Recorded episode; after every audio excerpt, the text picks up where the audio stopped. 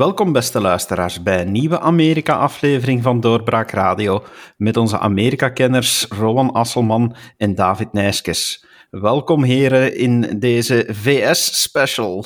Dag, David. We gaan het vandaag over een aantal interessante zaken hebben, onder andere de lopende impeachment-procedure tegen Trump, het conflict binnen de Republikeinse Partij, uh, het begin van Biden. En ik stel voor dat we het in omgekeerde volgorde doen, dat we eens eerst gaan kijken bij wat ik laatst genoemd heb, begin van Biden. Hoe zijn zijn eerste weken verlopen? Hij is druk bezig geweest? Ja, druk, druk, druk. Hè? Um dan natuurlijk vooral in het Witte Huis zelf, de oversteek naar het kapitool, die, die lijkt hij nog niet echt te maken. Waarmee ik dus wil zeggen dat hij uh, vooral focust op wat hij met, uh, zoals ze zeggen, de pen en de phone kan doen, met de balpen en met de telefoon kan doen. Dat zijn dan de fameuze um, executive orders, en dat is een beetje een verzamelterm, daar zijn, er zijn een paar subcategorieën in, maar goed, laten we zeggen, de EO's, de executive orders. Um, daar is hij heel druk mee bezig. Um, dat, dat krijg je van die media-evenementen waarbij hij dan achter zijn bureau zit uh, met Kamala Harris uh, naast hem staan en dat hij dan een paar papieren tekent en dan terug wegloopt. Dat zijn altijd dat zijn een beetje rare evenementen, want daar is ook niet echt tijd voor vragen en zo, of toch geen serieuze vragen. Maar goed, daar is hij dan wel mee bezig. Hij heeft er denk ik ondertussen een stuk of 50 uh, getekend. Ik ga gewoon een, een, een, een, algemeen cijfer geven, omdat op het moment dat het, de podcast uitkomt, het misschien alweer een stuk meer zijn. maar daarvoor breekt er dus wel alle records mee. Um, op wetgevend vlak uh, is het vooral uh, is voorlopig een, een, een, een, staat op een laag pitje, omdat hij daar ook wel met een moeilijk congres zit natuurlijk, maar daar zullen we het wel nog over hebben. Uh, maar inhoudelijk, ja goed, wat is er, wat is er gebeurd in die executive orders? Um, zo heeft hij bijvoorbeeld, dat is misschien wel interessant, um, een einde gemaakt aan het oliepijpleidingproject, dat is de fameuze Keystone XL pipeline, die van, van Canada naar de Verenigde Staten loopt dat lag moeilijk, omdat hij daarmee eigenlijk met zijn fameuze pen en phone meteen 11.000 banen schrapt. Um, dat ligt natuurlijk binnen de bredere agenda van de Biden-regering, um, omdat zo, ja, die oliepijplijn, dat is uh, niet goed voor het milieu, niet goed voor het landschap ook, wordt verkondigd. Um, maar dat, is, uh, dat ligt dus meer in de, in de bredere ideologie van de, nieuwe, van de nieuwe regering. Dat hij natuurlijk 11.000 banen mee, uh, mee schrapt, ja, dat, dat, dat is natuurlijk eh, olie op het vuur daar in die, in die streken en ook natuurlijk ja, veel munitie voor de, voor de Republikeinse Partij om daarop in te gaan. Voor het overige, ja, is hij bezig met wat je kan verwachten. Dat is een beetje laaghangend fruit. Dat is het annuleren van zaken, dan bijvoorbeeld op het vlak van migratie, uh, die Trump heeft gedaan. Trump deed met executive orders van alles uh, de laatste vier jaar. En Biden kan dat natuurlijk met zijn fameuze pen en phone ook meteen gedaan maken. Um, zo heeft hij bijvoorbeeld een einde gemaakt. Ik zal misschien nog één, één voorbeeld geven aan um, wat je de ja, Remain in Mexico policy zou kunnen noemen. De, de, de grote idee daarachter is wanneer dat er um, migratie gebeurt, wanneer dat er eigenlijk asielaanvragen um, worden ingediend, dat terwijl die behandeld worden, of terwijl die migratieaanvraag behandeld wordt, dat de personen die die vraag indienen, in de Me eh, Mexico, want het gaat over de zuiderse grens natuurlijk, de zuidelijke grens, dat die mensen dan ook in Mexico blijven tijdens um, de asielaanvraag. Uh, daar heeft Biden ook een, een, een, einde aan gemaakt. En het zijn zomaar die...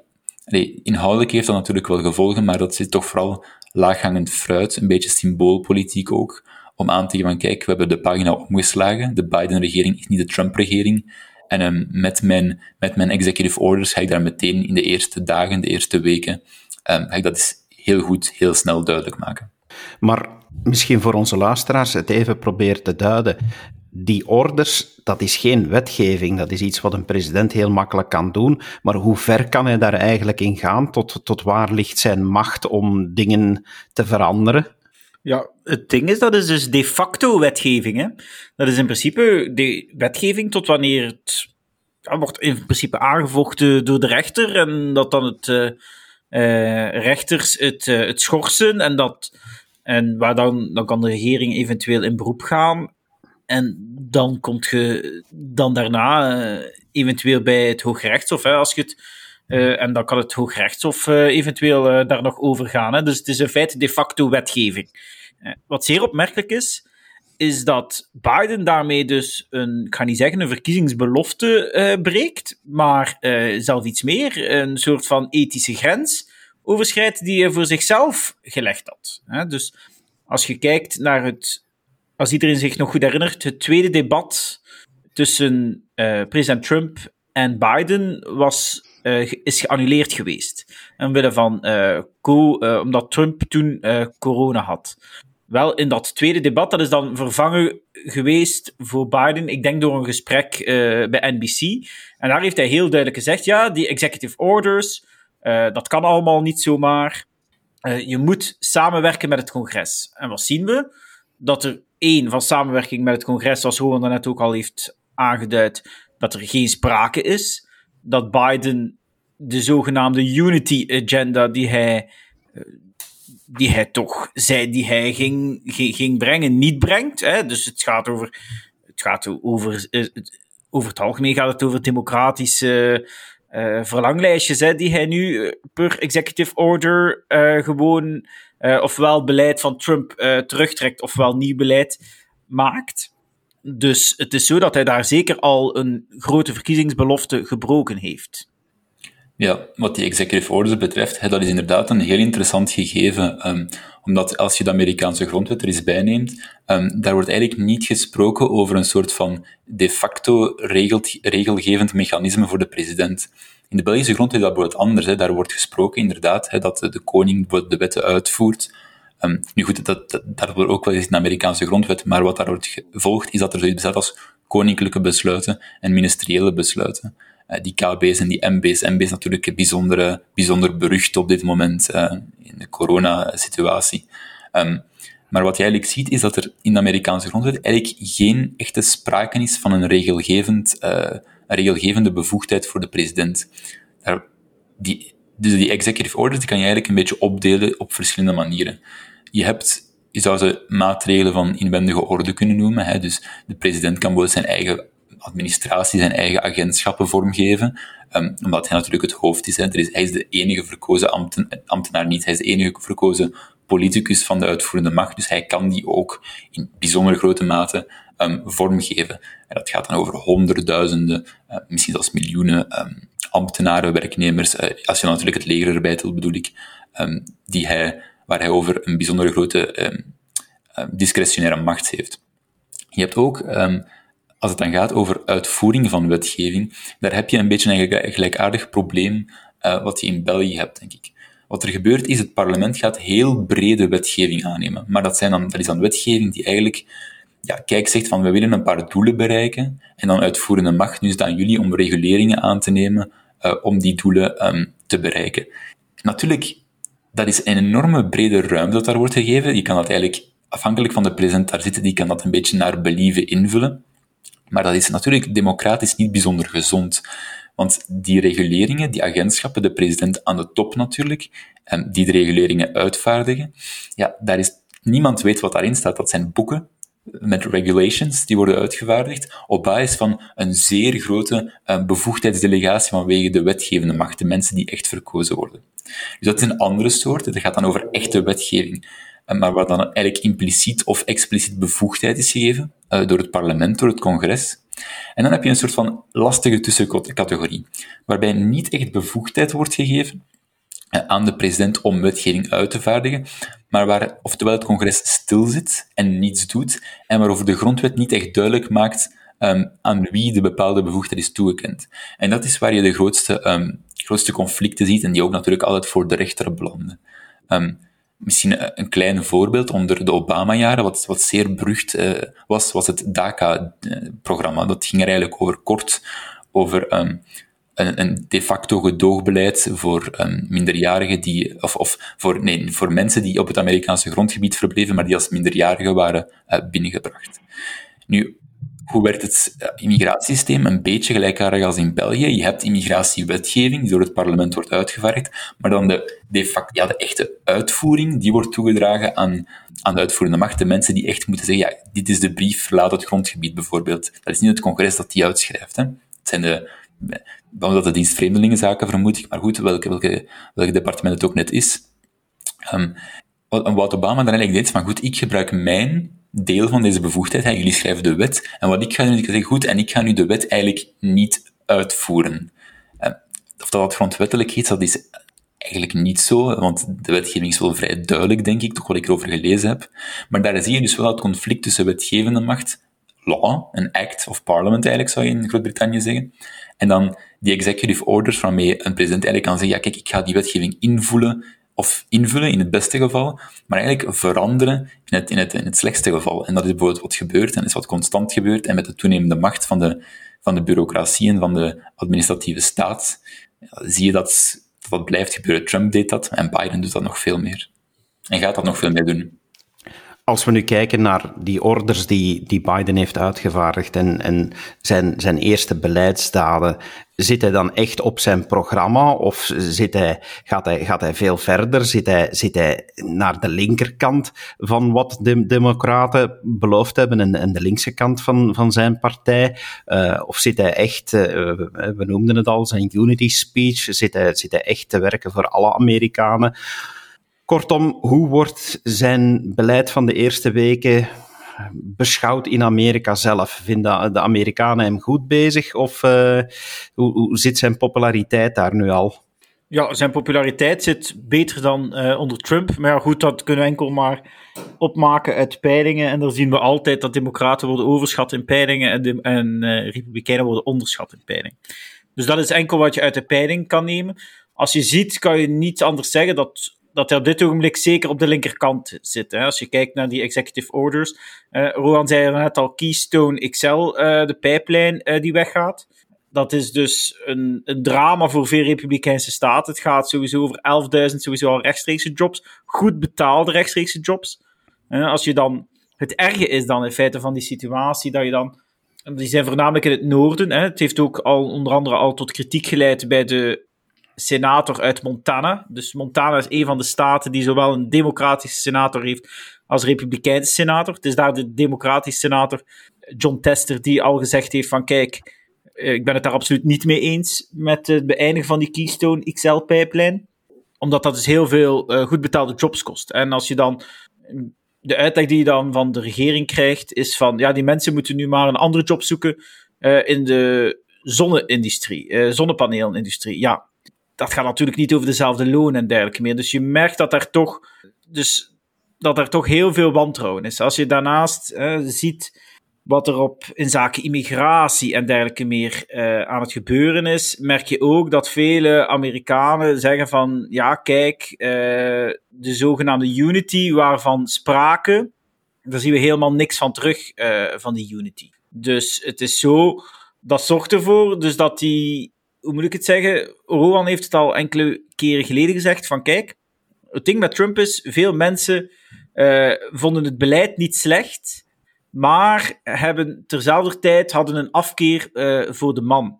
En wat je nu in feite gaat merken, beetje bij beetje, is dat veel mensen beginnen zeggen van ja, kijk, uh, die Trump, ja, dat beleid, dat was in feite nog niet zo slecht, want dat was in feite een beleid waar dat we wel achter stonden. Beperken van migratie, uh, energie uh, meer uh, toeleveren naar de Amerikaan. Fracking bijvoorbeeld, hè, dus die, schaal, die schalieolie, die, waarvan Biden belof, beloofd had tijdens de campagne: nee, nee, nee, we gaan geen einde maken aan fracking. herinner u, u, mag, u kan, de mensen thuis kunnen gerust nog eens een journaal uh, opsnorren van in de maand oktober. En dan ga je daar een reporter vinden die zegt van, nee, nee, Trump vertelt allemaal leugens, want Biden gaat de schalie, schalieolie niet afschaffen. Wat zien we? Wat heeft hij ondertussen al gedaan? Een, een verbod op nieuwe, nieuwe, nieuwe schaal, nieuw ontginnen van schalieolie in op, op federaal land. En federaal land is in de Verenigde Staten zeer veel. Ongeveer een derde van het totale grondgebied is federaal land. dus je merkt dus dat die agenda, dus klimaatagenda en dergelijke meer, dat Biden en ook op migratie en dergelijke meer, dus dat Biden daar echt de linkerkant van zijn partij volop bedient. We zien het ook in de COVID Relief Bill. Hè, dus de wet die nu er wordt een, een soort van uh, ja, een coronawet uh, gestemd met financiële hulp voor burgers en dergelijke meer. Hè. Dus die zou nu op 1,9 triljoen dollar staan. Daar zien we ook dat dat hij daar ook linksaf gaat. Hè? Op, twee, op twee plekken waar het zeer duidelijk is. Hè? Dus dat is één, er is geld voor steden en staten die getroffen zijn door, door corona. Maar dat is natuurlijk je zit in de Verenigde Staten zit je met enkele arme staten, voornamelijk democraten, hoge belastingen en die niet zo goed beheerd worden. En andere staten, zoals Florida, die lage belastingen hebben, maar die hun financiën wel op orde hebben. En dus, als er dan via de federale overheid geld gaat naar die staten, dan is het precies alsof je geld verschuift van sommige staten naar andere staten. Uh, een, ander, een ander ding in die COVID, uh, in, in, in die COVID-wet is dat dat Biden al ook een belofte breekt. Hij had gezegd van, kijk, ja, uh, eh, 2000 dollar, dat zal zeer makkelijk zijn. Nu blijkt het al dat het waarschijnlijk maar 1400 dollar zal zijn. Het volgende is natuurlijk dat Biden beloofd had, ik heb het al gezegd, hij had beloofd van dat hij ging samenregeren met republikeinen. Wat hebben we daar nu gezien? Ze doen een trucje in, want in principe heb je in de Senaat heb je een filibuster, waarbij dat je in principe 60 stemmen nodig hebt om een wet erdoor te krijgen in de Senaat. Ja, wat zien we niet? Ze, er is daar een uitzondering. Je kan daar via de Budgetary Reconciliation uh, kan je naar 50. Kan je naar 50 stemmen gaan. Wat gebeurt er? Hè? Dus de, er is geen meerderheid in de Senaat. De Democraten hebben een meerderheid omdat de, vice, omdat de vicepresident, die de voorzitter is van de Senaat, die bij 50-50 de doorslaggevende stem kan geven. Wat zien we nu? Die COVID Relief Bill is goedgekeurd in de Senaat met 50-50 en de vicepresident die de tiebreaking vote uh, doet. En, maar dat is via die budgetary reconciliation, dus geen enkele republikein uh, heeft die wet gesteund. Dus, en dat is dus het verhaal wat vele mensen zeker Republikeins Amerika, op dit ogenblik volop aan het voelen, uh, aan het voelen zijn. Dat is dat er echt een wraak is van de Democraten. We gaan er straks uh, nog andere thema's ook op terugkomen. Het is in feite een beetje de rode draad. De eerste twee weken de wraak van de Democraten op de Republikeinen. De wraak van Biden op Trump. Het congres, zoals je al zei, is natuurlijk ja, overwegend democratisch, maar ze zitten in de Senaat met een probleem uh, omwille van die filibusterregel. Uh, zoals je net beschreef, men probeert daar omheen te werken.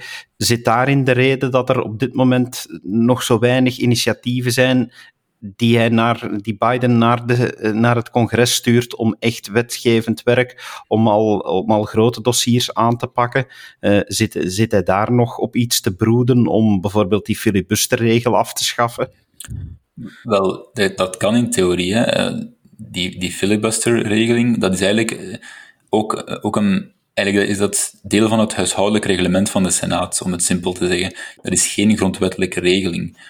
Dat is dat klinkt misschien een beetje bizar, maar dat is een regeling waarbij dat van, ja, er zijn 60 stemmen nodig voor bijna alle wetgeving. Um, maar die regeling is destijds ingevoerd met een gewone meerderheid. En die kan ook met een gewone meerderheid dus, dus uh, opnieuw afgeschaft worden. Wat betekent dat? Uh, dat als er 50 senatoren plus de vicepresident zeggen van ja, kijk, die filibusterregel goed, dat, eh, dat, dat, daar doen we mee weg. Die 60 stemmen, dat is bijzonder vervelend voor onze agenda. Dan is die ook weg gedaan met die regeling. Um, maar Biden heeft zich wel destijds uitgelaten uh, in het voordeel van die regeling. Natuurlijk, zoals David ook daarnet zei, fracking, daar liet hij zich ook positief tegenover. We zullen zien welke zaken er nog overblijven um, van zijn campagnebeloftes, van zaken die hij niet ging afschaffen, maar goed. Um, en het probleem met die 60-regeling is ook dat die budget resolution, dat is eigenlijk, dat is, is eigenlijk dat te saai om, om, om daar diep op in te gaan, maar daar komt wel op neer dat het eigenlijk om voornamelijk ja, budgettaire zaken moet gaan. Je kan dat natuurlijk heel breed interpreteren, wat dat net is, maar toch voor um, sommige zaken die gevoelig liggen, ik denk dan zeker bijvoorbeeld aan immigratie, want die immigratiewetgeving, daar, daar komt van alle hoeken, wordt daar geroepen om een update eigenlijk, um, en die komt er maar niet, omdat er geen compromis gevonden kan worden. Ja, immigratie bijvoorbeeld, dat kan je bijzonder moeilijk onder die um, budget resolution uh, doen vallen. dus die 60-regeling, ja, die, die blijft spelen. Ook, en dat is, um, dat is ook uh, wat, wat ik misschien moet benadrukken, er zijn daar een paar stemmen uh, in de Senaat die alles daarom zeep kunnen doen helpen. Hè. Dat is, ik denk dat we misschien het kort hebben vermeld laatste keer, maar je hebt hier Joe Manchin, die, uh, die plotseling de, de, bijna de machtigste man van de Verenigde Staten wordt. Um, gewoon om het feit dat hij op zijn eentje ieder, uh, iedere, ieder stuk wetgeving dat onder de budget resolution zou vallen, waar dus enkel die 50 stemmen voor nodig zou zijn, ja, hij is die 50ste stem.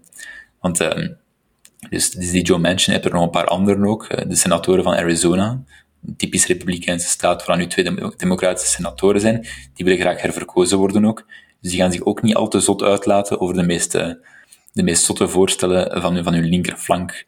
Um, dus ja, dat congres, dat is, dat is, dat is een in theorie democratisch congres, maar daar heb je bijzonder veel, um, of niet bijzonder veel, maar je hebt daar voldoende um, verschillende stemmen van de mainstream, zowel aan uiterst linkse zijde, maar zeker aan centrumzijde, wat de probleemzijde wordt uh, voor de Democratische Partij, denk ik. Uh, om daar eigenlijk, ja, uh, en dat koppel, dan koppel ik een beetje terug naar wat ik in het begin zei, die executive orders, en ook een beetje bij gebrek aan, ja, hij weet dat hij beperkt gaat zijn in wat hij gaat kunnen doen, zeker de eerste twee jaar. En aangezien we kunnen verwachten, dat zijn toch de meeste verwachtingen, dat de Republikeinen een goede kans hebben om het Huis van Afgevaardigden opnieuw te veroveren in 2022. Ja, het zal met de pen en de phone moeten gebeuren, denk ik, toch voor Biden. Toch een groot deel van wat hij, wat hij van plan is. Als we dan even verder gaan kijken naar de partijen zelf, eh, we kijken dan eens in de eerste plaats naar de Republikeinse partij die heeft het toch nog altijd moeilijk. De, het vertrek van Trump uh, is daar nog niet helemaal verteerd, uh, heb ik toch soms de indruk. Uh, ze zijn ook niet één groot geheel. Er, er lopen daar nogal wat breuklijnen door die partij. Kijk, ik ga één naam noemen om, om te beginnen, een discussiepunt dat zij uitlokt. dan heb ik het over Marjorie Taylor Greene ja, dat, dat loopt daar toch niet, niet, niet vlotjes in die Republikeinse partij om te beslissen hoe ze met, uh, met zo iemand omgaan. Ja, ik denk dat er verschillende zaken zijn. Ik wil om te zeggen, om te beginnen, het feit dat er zoveel aandacht gaat naar Marjorie Taylor Greene, zowel bij ons, ik denk dat het gisteren was er zelfs een speciale live met Björn Soenens in het VRT-journaal. In feite is dat compleet van de pot gerukt. Hè. Wat is daar gebeurd? Die Marjorie Taylor Greene heeft in een verleden heeft enkele vreemde dingen gezegd. Uh, heeft onder andere een beetje uh, in samenzweringstheorieën uh, geloofd die ze gelezen had op het internet. Goed, er zijn wel nog mensen die samenzweringen lezen op het internet en debiteren. Ik zeg maar iets, socialisme werkt bijvoorbeeld. dus ook niet waar. Dus als je dan ziet, Marjorie Taylor Greene, het verschil is, dat daar de democraten echt op wraakpad zijn. En dat is iets wat je dus heel goed ziet. De democraten zijn vandaag volledig machtsdronken. Ze zijn volledig dronken van macht. Als je kijkt naar wat er gebeurd is met Marjorie Taylor Greene, ze hebben die dus uit haar comité's verwijderd. Dus zij kan in geen enkel comité meer zitten. Ik, ik wil even de mensen zeggen van kijk, die Marjorie Taylor Greene is verkozen met 74 dus 74% van de mensen in het district van Marjorie Taylor Greene die gestemd hebben, hebben voor Marjorie Taylor Greene gestemd. Dat is dus enorm. En dan gaan enkele collega's eh, Washington die toevallig een meerderheid hebben, die mensen die gaan Marjorie Taylor Greene uit haar comité's zetten. Dat is dus du jamais vu. dus de Democraten hebben hier een blik open gedaan waar ze in de toekomst nog zeer veel spijt van gaan hebben. want dit is dus altijd het geval. Dus democraten, elke keer, bijvoorbeeld uh, de Senaat, zijn zij de eerste die zeggen van kijk, je hebt, we gaan vanaf nu rechters benoemen met maar 50 plus 1. op een gegeven ogenblik komen de Republikeinen dan aan een meerderheid in de Senaat en dan zeggen zij, oké, 50 plus 1, prima, nu gaan we dat doen. Hetzelfde geldt dus nu, wat er nu gebeurd is in het Huis van Afgevaardigden, hebben ze dus met de meerderheid van de, van de congresleden, hebben ze dus een, iemand van de andere partij uit haar comité's gezet. Ik kan u zeggen, de volgende keer kan het maar net, gaan de Republikeinen net hetzelfde doen. dus ik, want op dit ogenblik is het al zo dat ze in het Huis van Afgevaardigden maar vier zetels kunnen verliezen. Dus ze hebben maar negen zetels meer. Democraten hebben maar negen, amper negen zetels meer dan de Republikeinen. Dus er mogen maar vijf democraten mogen maar overlopen naar de andere kant. Dus dat is een probleem. Wat er daarnaast bij de republikeinen is, is dat je daar inderdaad een klein beetje richtingstrijd hebt. Maar je moet die richtingstrijd niet overschatten. Al is het maar omwille van het feit dat het altijd, het gaat over 10 van de 200, uh, eh, van de 212 verkozen, 10-11.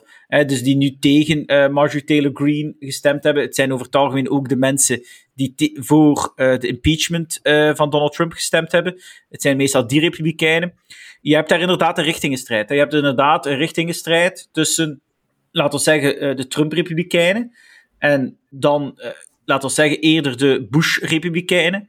Maar de eerste vaststelling die je maakt, is dat dus die Bush-republikeinen dus met betrekkelijk weinig zijn. Hè? Dus dat dat dus nog een kleine uh, fractie is van die partij.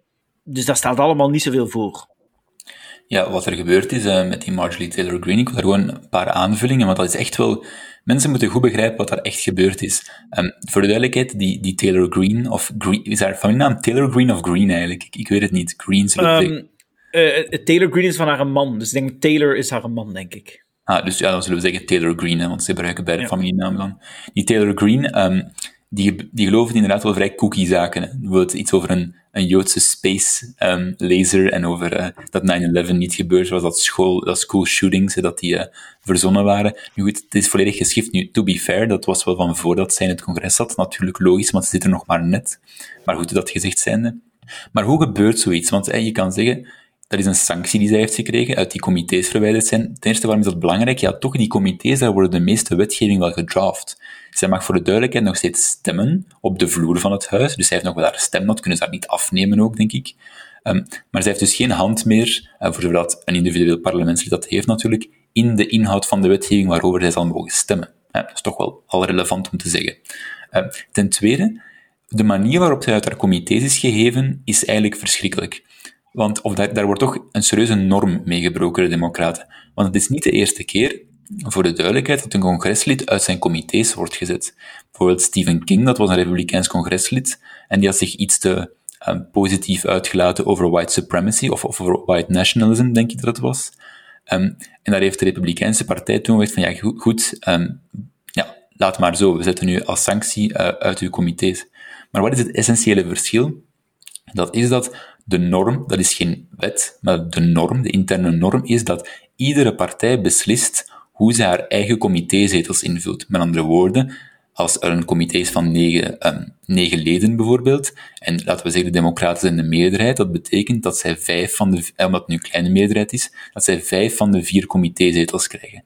Dat is de regel. En dan krijgt iedere partij het recht om die vijf, respectievelijk vier, uh, zetels in te vullen. Zij bemoeien zich niet met elkaars interne keuken.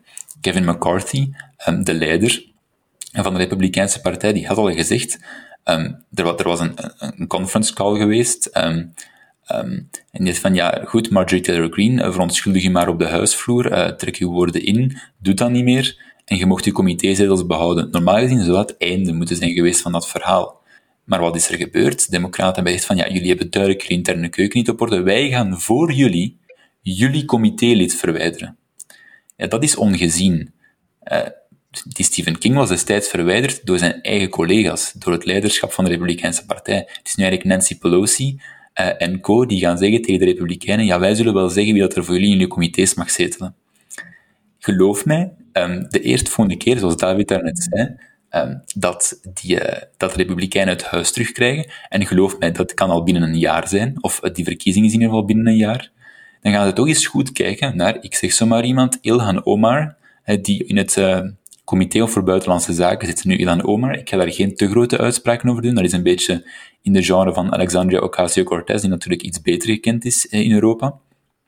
Maar die heeft toch wel in het verleden ook uitspraken gedaan die ik ga haar geen antisemiet noemen, want ik vind dat er een grote bewijslast op rust voor je zoiets zegt, maar toch uitspraken gedaan die misschien um, niet bijzonder in de mainstream, zeker van de Amerikaanse politiek, naar, uh, naar richting van Israël liggen.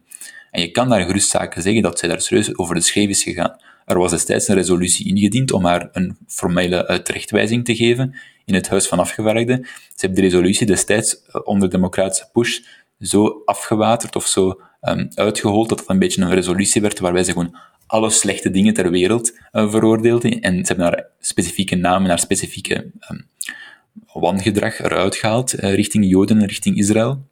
Of haar, haar uitspraak in ieder geval. Maar je kan zeggen, ja, misschien moet zij, zij, moet, zij mag in het congres zitten, zij mag ook in comité zitten, maar goed, buitenlandse zaken, dat is wel waar dat over Israël gesproken wordt. Misschien moet Ilhan Omar daar niet zitten. Normaal gezien zou het aan de Democratische Partij zijn om die, om die beslissing te nemen. Maar het kan goed zijn dat Kevin McCarthy, de leider van de Republikeinen, als hij speaker wordt, misschien ook eens het idee gaat krijgen om te gaan zeggen wie er net van de Democraten in ieder comité mag zetelen. Ja, dat is, dat is een, kleine burgeroorlog in het Huis van Afgevaardigden dan, hè, want dat is een, eh, dat is Pandora's doos die geopend wordt. Ik weet niet hoe je die terug gaat terug kunnen sluiten, maar er is nu een zeer gevaarlijk precedent gezet daarmee. duidelijk dat daar, uh, dat daar wat dingen ja, historisch kunnen genoemd worden, omdat ze, omdat ze presidenten zetten voor, de, voor de toekomst. Maar dat neemt toch niet weg dat er binnen die Republikeinse partij, dat er, dat er toch nog vragen worden gesteld. Liz Cheney, bijvoorbeeld, eh, is toch ook net onderworpen geweest aan, aan een stemming om te zien of ze in haar rol kon blijven dienen. Hè. Zij is de nummer drie in de Republikeinse Partij, als ik me niet vergis. En daar werden toch ook vragen bij gesteld, net omdat zij voor de impeachment van Trump had gestemd. Um, dus daar zie je toch ook wel een, een verdeeldheid lopen door die Republikeinse Partij. Of uh, ja. ja, zie ik het dan nog altijd verkeerd? Nee, nee, nee, nee dat is zeker. Dat is zeker. Die verdeeldheid is uh, zeer diep. Hè? Dus uh, Liz Cheney. Maar de reden waarom dat Liz Cheney. Het grote probleem met Liz Cheney is het volgende. Dus Liz Cheney heeft zich inderdaad uitgesproken voor impeachment. Hij heeft gestemd voor impeachment. Maar het grote probleem dat vele Republikeinen in haar. Hè, maar noemt dat dan conferentie, hè, fractie uh, wat zij daar dus, het grote probleem wat zij daarmee mee hadden, was dat zij één in het leiderschap zit. Hè, dus uh, toch wel een klein beetje zich aan de partijlijn moet houden, maar dat zij daar niks over gezegd had. Ze had niet op voorhand laten weten van kijk, dit ga ik doen. En dan is ze zo zwaar uitgevallen uh, naar Trump en heeft ze dus ook die impeachment gestemd. Wat is er dan gebeurd? Verder in de dagen daarna hè, hebben we Matt Gates. Matt Gates is een zeer mediagenieke een zeer mediageniek congreslid, 38 jaar, uit het, uit het eerste district van Florida. Dat is het meest conservatieve district van Florida. Dat ligt, als je Florida zo voor u ziet, dat is helemaal links. Dat is bijna tegen Alabama. Dat is een zeer mediageniek persoon. Schrijf die maar op, toekomstig presidentskandidaat. Ik gok 2032. Matt Gates is naar, direct naar Wyoming gereisd en heeft daar een toespraak gehouden. Wyoming is de thuisstaat van Liz Cheney. En daar hebben ze maar, het is een kleine staat, daar hebben ze maar één verkozene. Liz Cheney in het Huis van Afgevaardigden. En hij is naar daar gereisd en heeft daar een toespraak gehouden. Van een half uur op de trappen van het Capitool. En dat, was, hè, dat waren 150, 200 mensen. Hè, en dat was een zeer actieve toespraak. Hè, om tenminste te zeggen. Hij heeft daar, niet, heeft daar ook zeer duidelijk het verschil gemaakt tussen hem en Liz Cheney tussen de Trump-Republikeinse partij en de, de Bush-Republikeinse partij. Het is al op een gegeven moment dat hij zei van... Uh, Matt Gates is ooit... Liz Cheney heeft ooit eens iets gezegd over het feit dat hij uh, make-up uh, van zijn vest uh, moest, moest vegen, omdat hij veel op televisie kwam of zoiets, iets in die richting. En hij heeft erop gezegd van, kijk, ik kan die make-up misschien wel van mijn vest verwijderen, maar Liz Cheney kan niet het bloed van van honderden van duizenden Amerikaanse soldaten die zij, die zij, waarvan dat zij de, uh, de oorlogen die de Verenigde Staten voert, die zij allemaal gesteund heeft en die zij zelf nog wil uitbreiden, dat bloed kan zij niet meer van haar handen wassen. Om u maar te zeggen hoe diep, hoe diep dat het zit in die partij. Het zit enorm diep in de partij. Het verschil tussen de, laten we zeggen, een iets een, een republikeinse partij in de 21ste eeuw, uh, die Trump heeft meegemaakt, die helemaal anders kijkt, die niet meer het establishment is, dan de republikeinse partij van de Bushes, waarvan Liz Cheney nog altijd het product is. Ja, misschien kort daarop op aanvullen. Ik denk wat er daar gebeurd is, dat als ik me niet vergis, was dat tijdens dezelfde Zoom-call dat ze die Marjorie Taylor Greene hebben besproken en ook Liz Cheney, de conferentie dan, de fractie. Ik denk dat Kevin McCarthy, dat is de, leider, die heeft de misschien niet zo fijne job nu om die conferentie, om die fractie te leiden. Uh, die, heeft, die, die gaat duidelijk voor een big tent aanpakken. Een big tent, dus met andere woorden. Hij probeert om niemand te vervreemden um, van zijn leiderschap, in het bijzonder, maar natuurlijk van de partij in het algemeen. Dus wat hij heeft gedaan is, heeft van, ja, goed, kijk, die Marjorie Taylor Greene, en uh, inderdaad, David zal wel juist zijn, 74% van haar district dat heeft verkozen. Kunnen die mensen niet gewoon zeggen, ja, bon, jij telt niet mee, hè? Dat gaat niet, hè? Dat, is een, is een essentieel onderdeel van de Republikeinse coalitie. Maar anderzijds kunnen ze natuurlijk ook niet zomaar even iedereen um, die omdat zij tegen Donald Trumps impeachment hebben gesteld, zelfs de manier waarop zij deden dat dat niet helemaal, ja, niet bijzonder collegiaal was, die kunnen ze ook niet zomaar even um, publiekelijk kalt stellen. Hè? Dat, is, dat, is een man, dat, is, dat is geen manier van aan politiek doen, daarmee vervreemd je iedereen. En Kevin McCarthy, die wil bijzonder graag speaker worden binnen een jaar, of binnen iets meer dan een jaar. Um, um, dus dat, dat, is wel, uh, dat is wel relevant. Natuurlijk, die Matt Gates, uh, dat is klopt wat David zegt, die is best wel mediageniek. Ik heb het daar niet hoog mee op met die kerel, uh, persoonlijk, maar dat is niet zo belangrijk. Um, maar die heeft natuurlijk wel daarna een serieuze opdoffer verwerkt gekregen, want die is natuurlijk wel op tv komen zeggen um, ja goed, we hebben de stemmen om Liz Cheney uit haar positie van conference chair, zoals dat dan noemt, te verwijderen. En uiteindelijk heeft toch de Republikeinse, de Republikeinse fractie heeft met 70% besloten om haar te behouden. Ja, je kan dat draaien of keren. Gates had natuurlijk zelf ook aan een slag om de arm gehouden door te zeggen van ja, kijk, de, het establishment of leadership zal wel een manier vinden om haar toch in functie te houden. Ja, goed, tenzij hij nu op dit moment um, de fractie of het leiderschap van stemvervalsing gaat beschuldigen, zit Liz Cheney wel gebeiteld. Uh, wat je ook van haar denkt. 70% dat is niet close. Natuurlijk 30% die tegen haar stemt. Voor een leiderschapsfunctie is dat niet ideaal. Dat, je komt daar verzwakt uit, maar de kans dat er een nieuwe um, uitdaging gaat zijn voor haar leiderschap, ja, dat is, dat is gedaan. 70% dat is, dat is meer dan voldoende om, om, om stevig in het zeil te blijven zitten, denk ik. Ja, en als ik daar nog direct kort op mag, mag toevoegen, twee zaken. Eén, het is natuurlijk wel zo dat er heel veel steun van Kevin McCarthy was voor Liz Cheney. Dus hij heeft heel veel druk gezet op veel van die andere congresleden, Kevin McCarthy, om Liz Cheney te behouden in die functie. Ten tweede komt er nog bij dat er op dit ogenblik dat de stoel waarop Liz Cheney nu zit, dat zij die volgende keer, de kans is niet zo heel groot dat zij die gaat behouden. He, zij is in de peiling in Wyoming, wanneer dat het gaat over tevredenheid over hun congreslid, is zij helemaal naar beneden gedonderd. Helemaal naar beneden gedonderd. Ze heeft weinig of geen steun meer van de mensen in Wyoming, omwille van haar stem tegen president Trump, want Trump blijft enorm populair in Wyoming. Dus wat gaat er gebeuren? Zij gaat een voorverkiezingskandidaat tegenkrijgen.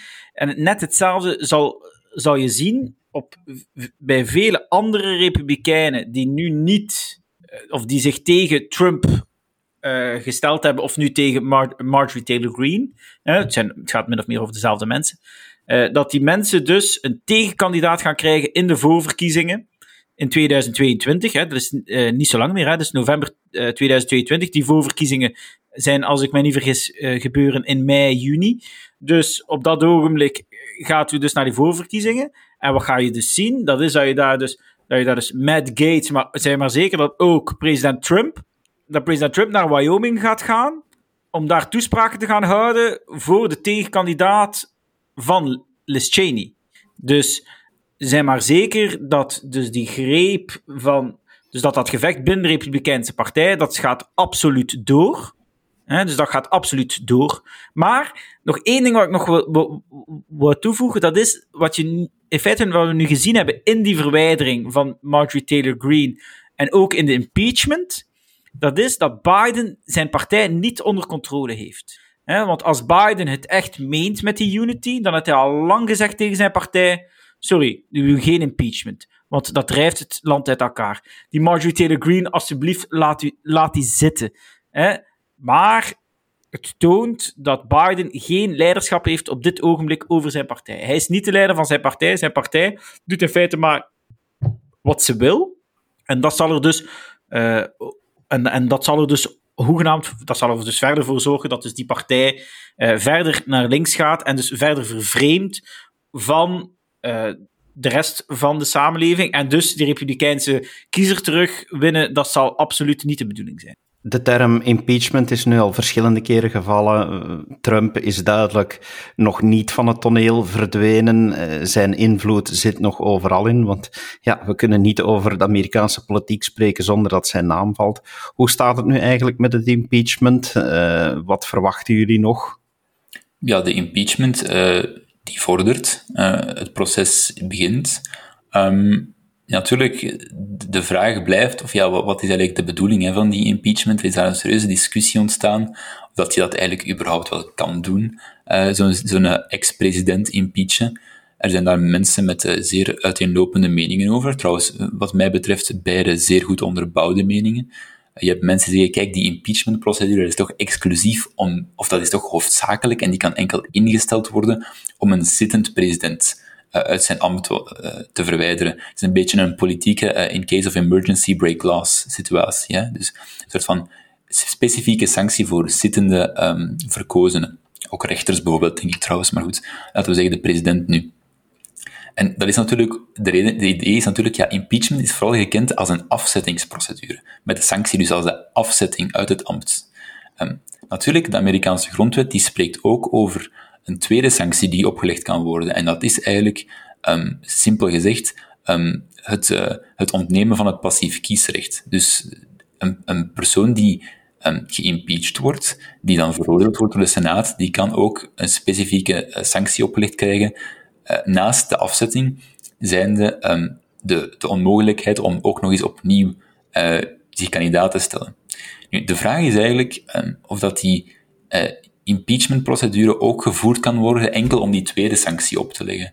Dat ontnemen van dat passief kiesrecht. Eigenlijk is dat best interessant, want ik heb daar geen eensluidend antwoord op. Ik heb daar eens goed eens in gelezen. En wat ik wel denk, uh, is dat er misschien vandaag de dag een juridische redenering in die grondwetsbepalingen wordt gelezen die er niet was destijds.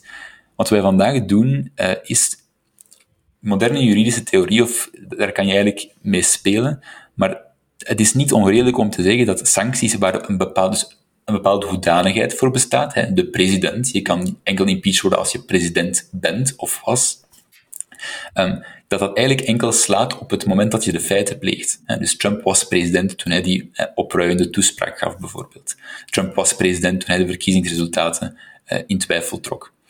Vraag is, moet je ook die hoedanigheid hebben op het moment dat je, dat je veroordeeld wordt, dat je, um, of dat je berecht wordt.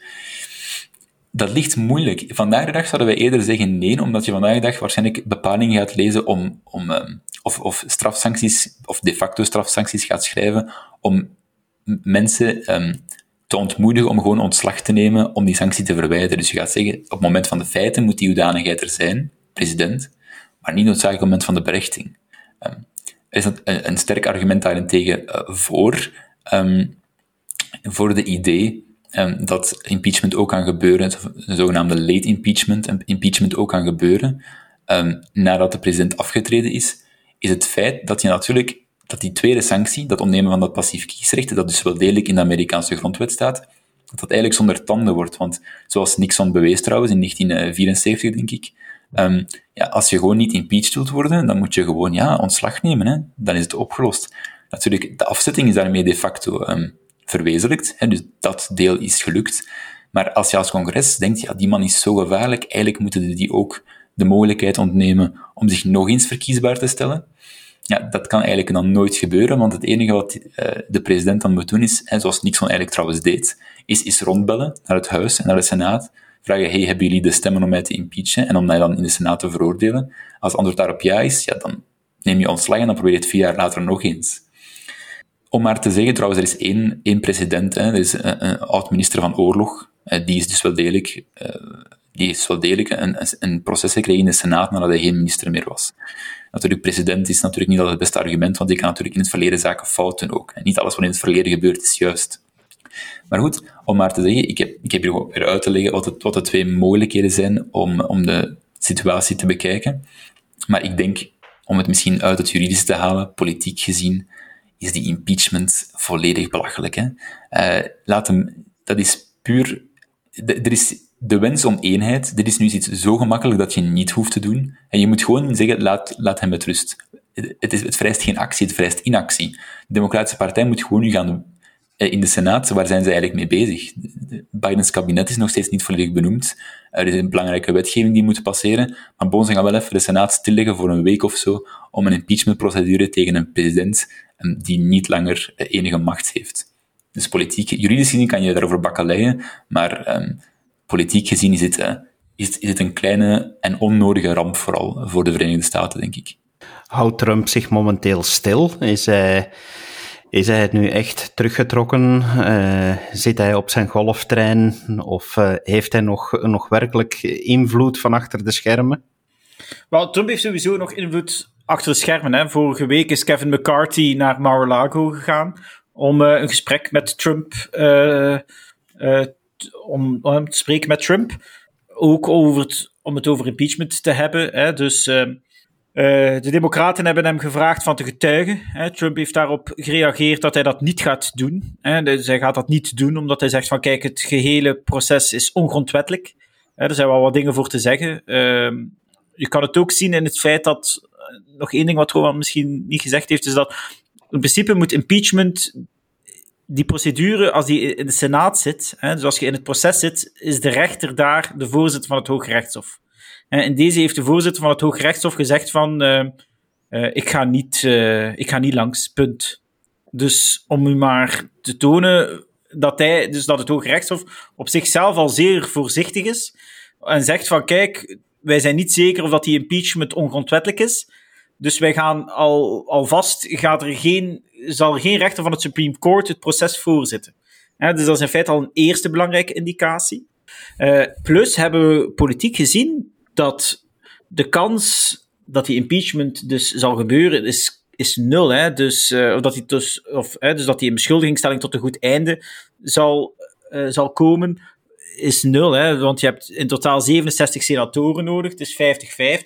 Het is zo dat uh, senator Rand Paul van Kentucky, die heeft een, had vorige week heeft hij een resolutie laten stemmen in de Senaat, waarin dat hij het had over de grondwettelijkheid van de impeachmentprocedure. En daar zien we dus dat, uh, dus dat amendement dus dat is weggestemd. Die resolutie is weggestemd met 55 tegen 45. Hè. Dus er zijn 45 Republikeinse senatoren die gezegd hebben: de procedure is ongrondwettelijk. Dus met andere woorden, de kans dat Trump dus definitief veroordeeld wordt, zal dus nul zijn. Want zeker 45 Republikeinen gaan naar uh, gaan, tegen, gaan voor uh, gaan stemmen, zodat Trump uh, wordt vrijgesproken. Dus ze hebben al normaal gezien, ik vermoed dat het 55, uh, 45 wordt. Langs de andere kant, ik denk zelf eenmaal het proces gaat gevoerd worden, want het zal toch iets nauwgezetter zijn dan in het Huis van Afgevaardigden. Ik heb het de vorige keer ook al gezegd, dat daar toch een nieuw president, ges, president geschapen is, dat je met een debat van drie, vier uur een president kan impeachen dat is in feite ongezien. Normaal gezien heb je dan in het juridisch comité en dergelijke meer een goede procesvoering. Deze keer niet gebeurd. Dus je gaat dat nu op de vloer van de Senaat hebben. Uh, maak je geen zorgen, dus Trump gaat daar worden vrijgesproken. En ik denk, en een van de zaken zal ook zijn van dat hij daar ook voor een groot stuk gewoon zijn, zijn recht op vrije meningsuiting uh, gebruikte tijdens die, uh, tijdens die rally, hè, waar we het ook al over gehad hebben en dergelijke meer. Alles wat ik daarover al gezegd heb, dan moeten de mensen maar in de vorige podcasts uh, luisteren. Maar ik denk, als je verder gaat kijken, ga je zien dat die impeachment gaat voorbij. Uh, Trump gaat daar versterkt uitkomen, opnieuw, voor de tweede keer, zal ik kunnen zeggen. Kijk, ik ben volledig vrijgesproken en dit is een heksenjacht. Wanneer gaat de heksenjacht uh, ooit stoppen? Stel nu dat, stel nu dat men dat artikel goedkeurt waardoor Trump geen kandidaat meer zou mogen zijn in 2024, heb je twee dingen gedaan. Eén, je hebt van hem een martelaar gemaakt. Twee, je hebt hem een reden gegeven om naar het Hooggerechtshof te gaan. En het zou goed kunnen dat het Hooggerechtshof zegt van, ja, één, dat is, dat is uh, ongrondwettelijk. En gans die procedure uh, was ongrondwettelijk. Dus dan zitten de democraten nog iets met dat probleem. Dat zij dus tegen de grondwet gehandeld hebben. Dus ik denk dat we daar, dat democraten daar zich veel meer problemen mee op de hals gehaald hebben, net zoals Rowan gezegd heeft, dan uh, wat men in feite had moeten doen, gewoon niks doen. En daar was iedereen beter van geweest. Ja, want dat lijkt praatjes onder te worden. Hè? Want wat, wat je daar net aanhad, gewoon heel kort, eh, dat is wel belangrijk, want dat Hooggerechtshof, dat wordt dan nog een tweede debat hè, over de grondwettelijkheid. Want in principe, de, de grondwet wordt doorgaans gelezen als zijnde dat de rechterlijke macht, en natuurlijk met het Hoogrechtshof aan de top, geen rechtsmacht heeft om te oordelen over impeachmentprocedures. Nu, ik kan je natuurlijk afvragen of dat, dat gaat blijven standhouden als de impeachmentprocedure zo, laten we zeggen, kennelijk of manifest afweek van wat de grondwet beschrijft, dat het Hoogrechtshof zich nog steeds afzijdig gaat houden. Het precedent is daar niet duidelijk over. Um, omdat er staat in de grond, ja, de sole power of impeachment ligt bij de, bij de Senaat en ook bij het Huis, of het berechten ervan. En dat, dat wordt dan geleden, dat zijn ja, de rechtbanken die moeten daar buiten blijven. Daar is eigenlijk een politiek proces, komt het eigenlijk op neer. Um, maar je gaat je afvragen of dat, dat Hooggerechtshof, waar, en dat is misschien wel een spittig detail, waar ondertussen zes door de Republikeins benoemde rechters zijn, van de negen, en dan nog drie door Trump specifiek. Nu, ik, ik, trek die mensen hun onafhankelijkheid en hun kunde niet in twijfel natuurlijk. Dat lijkt mij zeer competente juristen. Um, maar ja, als het Hooggerechtshof dan besluit om te zeggen, ja, kijk, eigenlijk vinden wij dat hier toch wel een serieuze miscarriage of justice is geweest. We moeten dat toch eens bekijken. Dan gaat natuurlijk de kritiek komen zeggen, ja, die rechters die zijn activistisch. En dat is omdat ze door Trump benoemd zijn. Die mogen daar eigenlijk niet in tussenkomen. En toch nemen zij die zaak op. Ik zie niet dat dat gaat gebeuren. Maar als hij echt veroordeeld zou worden en hij gaat proberen naar de rechtbank te stappen, dan zijn we nog eens voor, uh, ja, ik weet niet, maanden, jaren vertrokken eigenlijk. Er staat dus nog heel veel te gebeuren. We blijven de, de zaken in Amerika opvolgen. Uh, daar zullen jullie wel zeker voor zorgen. Bedankt uh, voor jullie analyse en de toelichting bij wat er allemaal gebeurt. Rowan, David, hopelijk tot binnenkort opnieuw. Zeker weten. Dag David. En u, beste luisteraar, u hebt ook weer geleerd wat er leeft in de Verenigde Staten en begrijpt het nu allemaal wat beter. Blijf zeker onze podcasts volgen om op de hoogte te blijven. En graag tot een volgende keer. Dag. Dit was een episode van Doorbraak Radio, de podcast van doorbraak.be. Volg onze podcast op doorbraak.be/slash radio of via Apple Podcasts, Overcast of Spotify. Bezoek ook onze website op doorbraak.be en steun ons door een vriend te worden van Doorbraak.